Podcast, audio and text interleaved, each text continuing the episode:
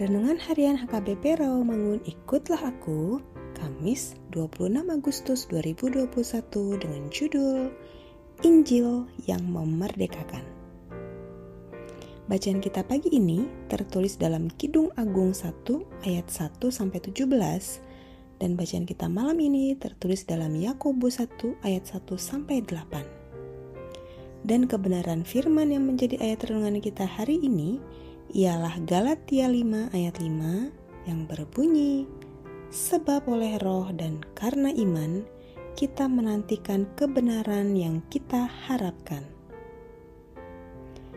Surat Galatia adalah surat Paulus kepada jemaat-jemaat di Galatia yang telah dikacaukan imannya oleh guru Yahudi tertulis dalam Galatia 1 ayat 6 sampai 7 dengan memaksa mereka disunat dan menerima kuk Taurat Musa sebagai syarat-syarat yang perlu untuk diselamatkan dan diterima oleh gereja. Beberapa dari mereka telah mengganti iman kepada Kristus dengan iman kepada upacara-upacara legalistik dari hukum Taurat. Karenanya, Paulus mengingatkan mereka bahwa syarat-syarat yang dituntut hukum Taurat seperti sunat di bawah perjanjian lama, tidak ada hubungan dengan pekerjaan kasih karunia Allah dalam Kristus, yaitu anugerah keselamatan di bawah perjanjian baru. Paulus juga menegaskan kembali dengan jelas bahwa Injil yang diajarkannya adalah Injil yang memerdekakan, karena harus menerima Roh Kudus dan hidup rohani dalam iman kepada Tuhan Yesus Kristus.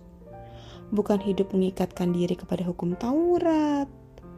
Metode dan konsep seperti ini masih berlangsung hingga saat ini.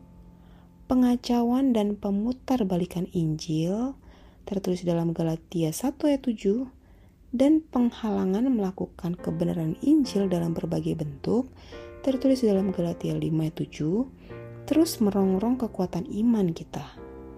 Oleh karenanya, kita harus tetap hidup melekat dalam roh dan senantiasa berusaha menggenapi hukum Kristus agar kebebasan dari perhambaan legalisme hukum Taurat dan kebebasan dari dosa dapat kita alami. Mari kita berdoa. Tuhan Yesus, beri kami kekuatan agar iman kami tidak goyah dan biarlah roh kudusmu senantiasa memampukan kami hidup benar dan merdeka dari dosa. Amin.